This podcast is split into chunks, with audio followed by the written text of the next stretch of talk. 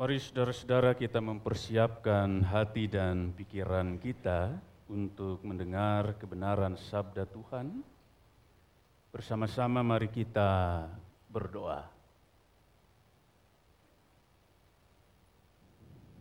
Allah Bapa, Anak dan Roh Kudus, kami bersyukur untuk segala kebaikan yang Engkau karyakan dalam kehidupan kami. Kami bersyukur untuk karya keselamatan yang Tuhan Yesus telah anugerahkan bagi kami sehingga kami beroleh hidup untuk itu biarlah kami boleh terus mengucap syukur atas kasih yang Allah nyatakan di dalam Yesus Kristus bagi setiap kami. Kami mau menyatakan syukur dengan kasih kami pada sesama dan dengan kehidupan yang selalu setia. Karena itu ketika sebentar kami akan mendengar sabda Tuhan, Kiranya roh kudus yang menolong setiap kami, baik kami yang akan mendengarkan dan merenungkan maupun juga hambamu yang akan menyampaikannya. Bersabdalah kepada kami, ya Allah, karena kami anak-anakmu saat ini telah siap dan sedia untuk mendengarkannya. Amin. Yohanes 19 ayat 16 sampai ayat yang ke-37.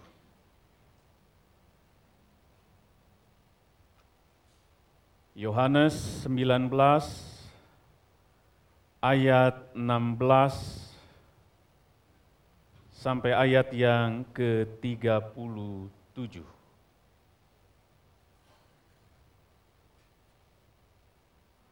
Jika Bapak, Ibu, saudara-saudara, baik yang ada di gedung gereja maupun yang ada di rumah masing-masing telah menemukan bagian yang akan kita baca, saya akan membacakan bagi setiap kita. Akhirnya Pilatus menyerahkan Yesus kepada mereka untuk disalibkan. mereka menerima Yesus, sambil memikul salibnya ia pergi keluar ke tempat yang bernama Tengkorak, dalam bahasa Ibrani Golgota. Dan di situ ia disalibkan mereka dan bersama-sama dengan dia disalibkan juga dua orang lain, sebelah menyebelah, Yesus di tengah-tengah. Dan Pilatus menyuruh memasang juga tulisan di atas kayu salib itu. Bunyinya, Yesus orang Nazaret, Raja orang Yahudi. Banyak orang Yahudi yang membaca tulisan itu sebab tempat di mana Yesus disalibkan letaknya dekat kota. Dan kata-kata itu tertulis dalam bahasa Ibrani, bahasa Latin, dan bahasa Yunani. Maka kata imam-imam kepala orang Yahudi kepada Pilatus, "Jangan engkau menulis raja orang Yahudi, tetapi bahwa ia mengatakan, 'Aku adalah raja orang Yahudi.'" Jawab Pilatus, "Apa yang kutulis tetap tertulis." Sesudah prajurit-prajurit itu menyalibkan Yesus, mereka mengambil pakaiannya lalu membaginya menjadi empat bagian untuk tiap-tiap prajurit, satu bagian, dan jubahnya juga mereka ambil. Jubah itu tidak berjahit dari atas ke bawah, hanya satu tenunan saja karena itu mereka berkata seorang kepada yang lain, janganlah kita membaginya menjadi beberapa potong, tetapi baiklah kita membuang undi untuk menentukan siapa yang mendapatkannya. Demikianlah hendaknya supaya genaplah yang ada tertulis dalam kitab suci. Mereka membagi pakaianku di antara mereka dan mereka membuang undi di atas jubahku. Hal itu telah dilakukan prajurit-prajurit itu.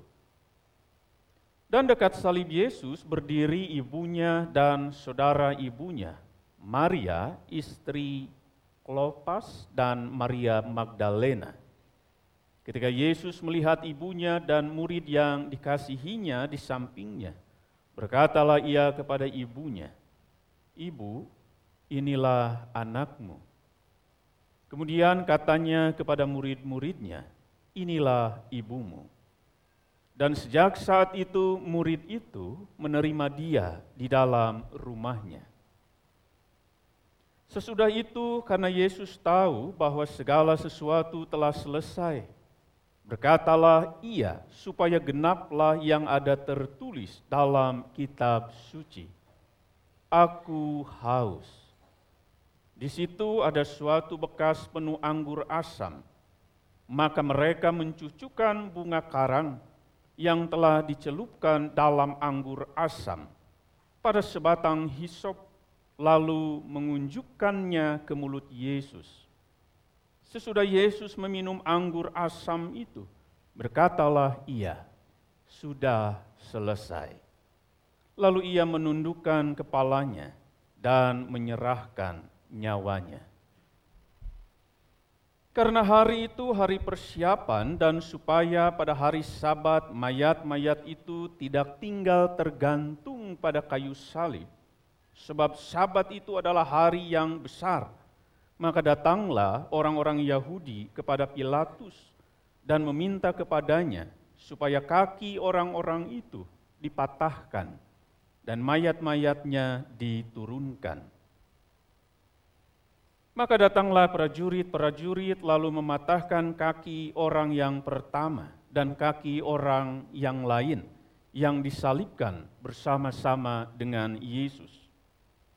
Tetapi ketika mereka sampai kepada Yesus dan melihat bahwa ia telah mati, mereka tidak mematahkan kakinya. Seorang dari antara prajurit itu menikam lambungnya dengan tombak dan segera mengalir keluar darah dan air. Dan orang yang melihat hal itu sendiri yang memberikan kesaksian ini. Dan kesaksiannya benar. Dan ia tahu bahwa ia mengatakan kebenaran, supaya kamu juga percaya. Sebab hal itu terjadi supaya genaplah yang tertulis dalam kitab suci. Tidak ada tulangnya yang akan dipatahkan. Dan ada pula nas yang mengatakan, mereka akan memandang kepada dia yang telah mereka tikam. Berbahagialah orang yang mendengarkan firman Tuhan serta memelihara dalam hidupnya. Hosiana.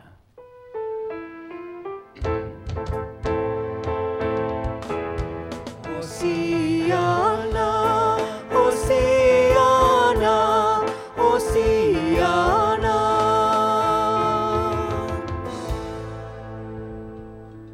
Saudara-saudara yang dikasihi oleh Tuhan, ada sebuah lagu tempo dulu. Kira-kira lagunya seperti ini.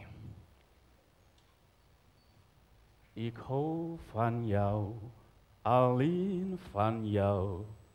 Ik kan niet leven in een wereld zonder jou. Waar ik ook ben, ik hoor je stem. Ik kan je zomaar niet vergeten. Itu lagu dari Dana Winner. Saudara-saudara, lagu di atas mengingatkan kita tentang seseorang yang tidak bisa hidup tanpa kekasihnya. Seseorang yang tidak bisa hidup tanpa cinta kekasihnya. Bahkan nyanyian tadi menceritakan seseorang yang selalu mendengar suara kekasihnya dan tidak bisa melupakan kekasihnya.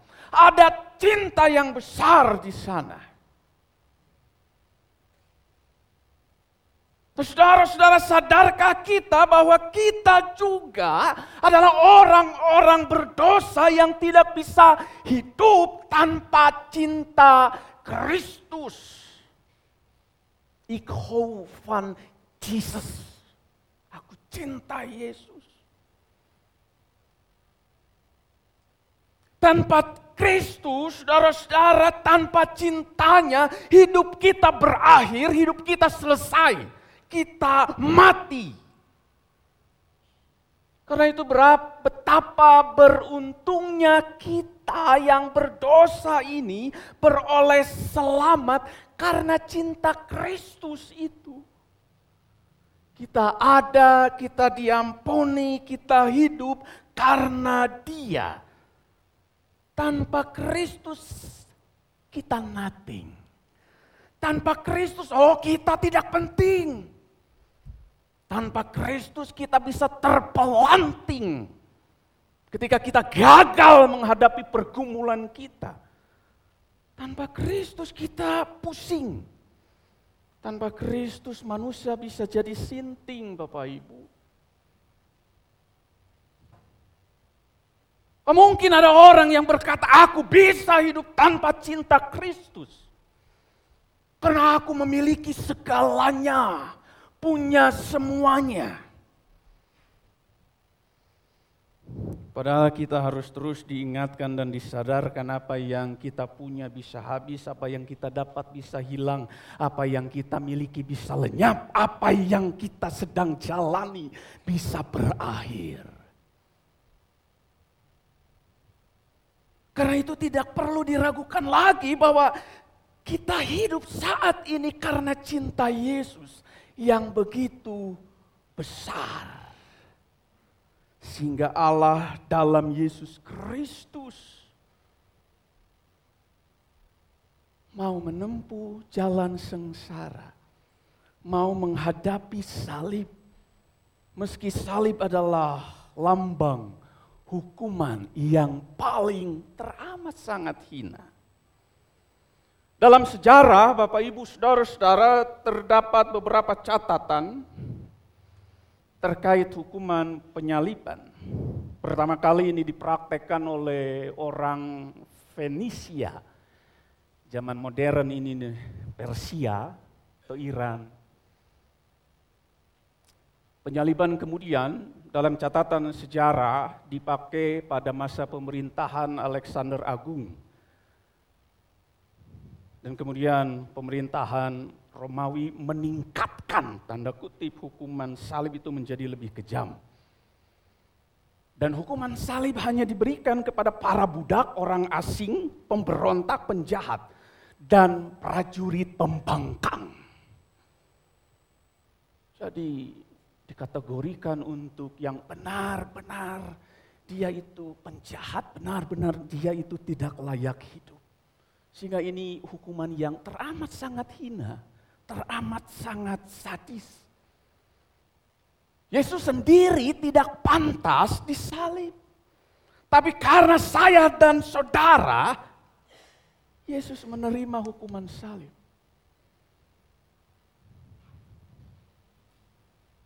Yesus mengalami kesakitan yang luar biasa. Bukan hanya fisik, tetapi juga secara emosi. Bayangkan ia ditawan, diadili dengan tidak adil. Dibawa ke Hanas, diadili di hadapan Sanhedrin. Politik di Kayafas, diadili lagi di hadapan Sanhedrin yang religius di bait suci, dibawa ke Pontius Pilatus, lalu dikirim ke Herodes Antipas, kemudian Herodes mengembalikan Yesus kepada Pilatus, lalu Pilatus akhirnya menyerahkan Yesus setelah dicambuk di benteng Antonia untuk disalibkan di Golgota.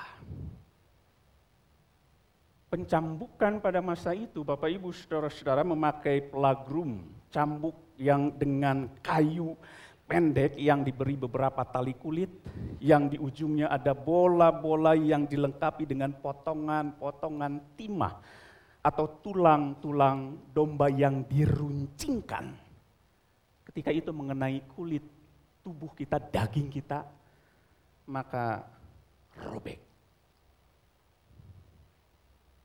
Dan karena robekan itu, maka terjadi luka yang teramat sangat besar. Studi modern tentang aspek medis penyaliban oleh Barbet tahun 1931 memberikan hasil penelitiannya bahwa akibat pencambukan itu yang Yesus alami, maka kulitnya secara medis menjadi sangat sensitif dan rapuh dari hematidrosis yang sudah dialami. Jadi ada kesakitan yang luar biasa yang dialami oleh Yesus. Apakah cukup di situ? Tidak, karena ternyata setelah dicambuk Yesus dibawa ke Golgota.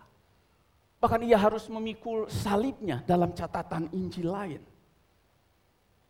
Diperkirakan ini kurang lebih beratnya 50 kilo Bapak Ibu. Berat. Berlebih jaraknya itu lebih dari satu kilo. Dan dalam penelitian secara medis tentang dampak kesakitan yang Yesus alami. Karena ketika Yesus membawa salib ia terjatuh. Karena ia kehausan, kelelahan, kesakitan yang luar biasa maka hal itu mengakibatkan trauma tumpul pada dada, memar pada jantungnya. Status medis Yesus menjadi kritis yang membutuhkan resusitasi cairan melalui infus, transfusi darah, terapi antibiotik dan intervensi bedah. Keadaannya sangat lemah.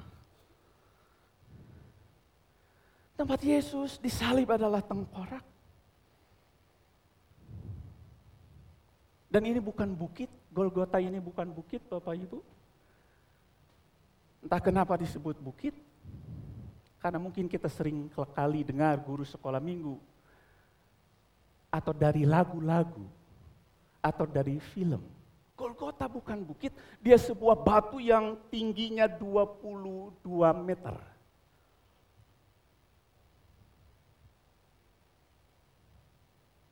dekat gerbang, kira-kira dekat kota dan berbatasan dengan gerbang memasuki Yerusalem. Di sana ada sebuah tembok yang tinggi 55 meter, maka orang yang memasuki Yerusalem, maka orang yang lewat itu bisa melihat Yesus. Dan tentu cacian makian tidak berhenti karena itu. Orang melihat Yesus, merendahkan Yesus. Orang percaya memang Yesus adalah penjahat, memang Yesus adalah layak dihukum mati, disalib.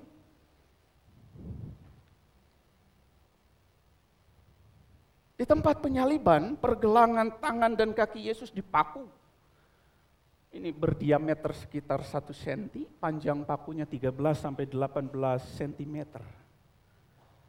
Dan dalam penelitian medis ada efek patofisiologis utama, gangguan pernapasan.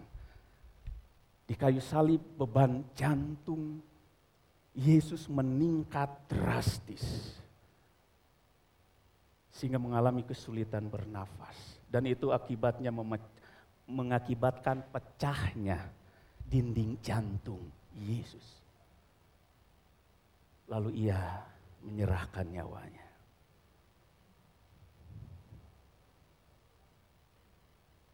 benar-benar sengsara yang dialami Yesus. Benar-benar kesakitan yang luar biasa.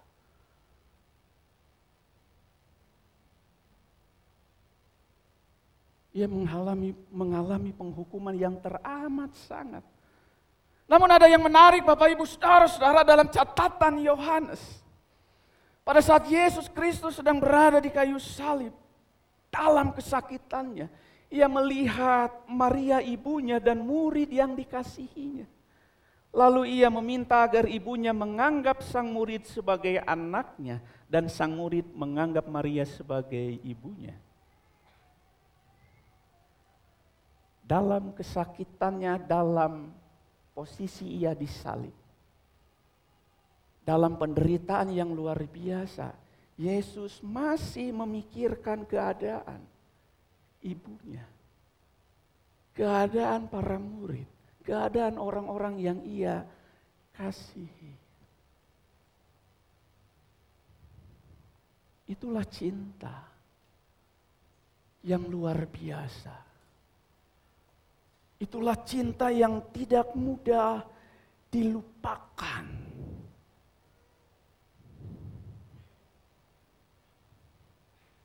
Itulah cinta dia bagi kita. Karena itu dari kalau kita kembali merenungkan lagu Raga Kami di Sangsara, maka bagian lagu itu tadi ada pertanyaan reflektif. Marane rek migawe naon bikin diri kami. Kita mau buat apa buat Yesus? Kalau cintanya itu teramat sangat besar, kita mau buat apa? Kita sudah buat apa? Saudara-saudara, karena itu mari kita saat ini merenungkan dua saja Biasanya saya tiga poin, hari ini dua saja. Yang pertama, firman Tuhan hendak mengingatkan, rela sangsara nupohara daik mela ngarah manusia dipiara. Saudara-saudara apa yang kita lakukan untuk orang yang kita cintai, Mungkin bahasa anak muda akan mengatakan laut kan ku seberangi, gunung kan ku daki, darat kan ku lalui udara kan ku terbangi, hujan kan ku terabas, macet kan ku jalani. Orang Sunda mengatakan jauh di jugjug, anggang di teang. Rek jauh di mana bayo oke di teang. Supaya apa? Ketemu dengan kabogoh bebende hate pamais hate. Cinta apa yang Yesus lakukan untuk orang yang begitu ia kasihi, ia memberikan semuanya, ia mempertaruhkan segalanya kehidupannya. Karena itu sengsara ia jalani, siksa ia lalui, caci maki ia hadapi, kematian ia terima, salib yang begitu menakutkan, kematian yang begitu mengerikan, Yesus hadapi semuanya. Untuk itu keselamatan adalah berkat nupohara rea. Gusti rela sangsara jeng mela jang miara urang. Urang dibela, tapi manusia sok lo bake hela. Yesus mati di kayu salib membela kita, mela urang. Tapi kerap kali kita sok loba kehela, kehela Gusti. Padahal Yesus sudah berkorban sedemikian rupa. Tapi kadang masih ada saja orang yang untung rugi dalam hidupnya. Hitung-hitungan dengan Tuhan. Saudara-saudara ingat kita ini sudah sangat beruntung. Jadi jangan sampai jadi orang yang gak tahu diuntung, gak tahu diri, gak tahu berterima kasih, gak tahu bersyukur, gak mau berkorban, gak mau memberi diri juga bagi Kristus. Padahal Kristus memberi dirinya. Maka orang Belanda akan mengatakan gebroken geloof. Atau gebroken met het geloof. Iman yang rusak. Iman kita rusak Bapak Ibu Saudara-saudara. Kalau kita jadi orang yang tidak tahu diri. Sudah dicintai, dikasihi. Yesus sudah berkorban memberikan nyawanya. Lalu kita tidak tahu diri. Maka sekali lagi itu, gebroken heart. Karena itu seharusnya kita jadi orang Kristen yang terus rela dan setia dalam iman percaya kita pada dia. Meski kita harus alami sengsara, nupohara. Tapi kita diajak memikul bagian kita, salib kita. Dan itu tidak mudah. Yang kedua, nyaah ka Yesus pasti amanah laku merenah loba kadaek. Saudara-saudara mencintai Yesus. Mencintai sesama. Dan karena itu syukur kita atas kasih Kristus itu. Baiklah kita juga mencintai pelayanan. Salah satu tokoh GKP Bandung yang mulai bekerja di tahun 1905, J. Aiken, menjadi zenling di jemaat Bandung. Sekaligus dia seorang mantri perawat profesional ketika itu ia mau membaktikan hidupnya, ia mau menjadi peduli, ia mau merawat banyak orang, ia mau menyatakan cinta Kristus melalui apa yang ia bisa lakukan. Tahun 1910, J. Aiken turut membantu BM Alkema membangun rumah sakit Immanuel. Bentuk cintanya kepada Kristus diwujudkan dengan cintanya pada sesama tahun 1913 ketika anggota baptis yang ada di jemaat Bandung sudah berjumlah 182 orang. Maka dalam bidang pelayanan ketika itu dilakukanlah swadaya jemaat. Umat diajak untuk berdaya. Mun loyang kudu lodek, mun loba kahayang kudu loba kadaek banyak cita-cita, harapan, mimpi agar pelayanan ketika itu ingin maju maka harus ada kadai. Maka ketika itu dimulailah juga kemandirian. Tidak selalu tergantung pada kas. Mulailah juga dirintis santunan kepada kaum miskin dan pemeliharaan gereja. Dan juga ada program ketika itu program dana pemakaman yang dirintis oleh J. Aiken pada tahun 1913 yang diberi nama dalam ejaan lama Silih Tulungan. Sekarang tahun 2023, berarti sudah 110 tahun gagasan konsep Silih Tulungan di GKP Bandung itu hadir. Saat ini bentuknya PDST. Icon, Bapak Ibu, saudara-saudara. Pelayanannya tidak berhenti di situ.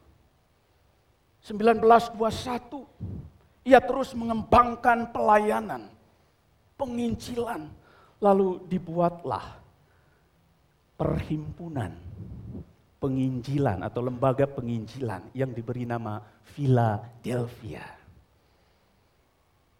Dan 1934 lahirlah dalam sidang Rat Ageng. Maka J. Aiken itu menjadi ketua pertama. Maka lahirlah gereja Kristen Bumi Putra di tanah Pasundan. 1944 dia ditawan oleh Jepang. Saudara-saudara, pelayanan yang ia lakukan didasari cinta didasari syukur atas hidup yang Kristus anugerahkan melalui kerelaannya menempuh jalan sengsara itu. Ia gerakan umat, mari kita silih tulungan, mari kita silih berbagi cinta dan kebaikan, kepedulian pada banyak orang. Karena itu misalnya dalam konteks modern, Bapak Ibu, Saudara-saudara, jangan sampai ada orang yang berpikir, ah milu PDST mangkewe, kira-kira mun geringna geus parah. Jadi mayar dengan sakedeng menangna loba. Itu bukan silih tulungan namanya. Tapi hayang ditulungan. Hanya itu. Karena itu Bapak Ibu Saudara-saudara mencintai Yesus harus dimulai dengan mencintai apa yang Yesus cintai. Dan Yesus mencintai umatnya. Dan itu gereja juga harus mencintai sesama. Daik nulung kanu butuh, daik nalang kanu susah ngahudangkeun anu labuh ngajahit anu titelem nganter kanu sieun merek kanu daik. Silih tulungan, silih talangan, mineng patungan, tara hitungan, sahate silih bere. Apakah itu juga menjadi semangat kita? Karena bagi saya nyanyian tadi, Bapak Ibu Saudara-saudara dari Kidung Kabungahan begitu menggelitik. Begitu menggelitik dan mengingatkan setiap kita. Raga kami disangsara pohara, nyawa kami dikurbankan kermarane. Karena itu kan pertanyaannya sederhana. Marane migawe naon piken kami. Gereja buat apa? Kita buat apa? Kalau Yesus rela berkorban untuk kita. Kalau cintanya teramat sangat besar, lalu cinta kita itu besar apa tidak buat Kristus. Kalau kita mengkoki, ya cinta kami besar, maka cintailah sesama. Hargailah perbedaan. Rangkullah setiap orang yang membutuhkan. Dukunglah setiap orang yang miskin. Topang mereka Gereja harus ada bagi sesamanya. Karena Kristus juga ada bagi umat manusia. Saudara-saudara, melalui kebaktian Jumat Agung dan perjamuan kudus yang akan kita ikuti bersama-sama. Setiap kita diajak menghayati pengorbanan Yesus Kristus dan kita diingatkan akan cinta kasih Allah yang besar dan mahal itu. Di mana Kristus memberikan dirinya bagi saya dan bagi saudara. Maka setialah kepada dia. Jangan buat hati Yesus sedih. Pepatah Belanda mengatakan, echte liefde kan hin pijn doen. Cinta yang benar tidak mungkin menyakiti. Tapi cinta itu kadang harus menempuh rasa sakit demi orang yang dikasihi. Yesus menempuh, menjalani, melewati sakit, derita demi saya, demi saudara.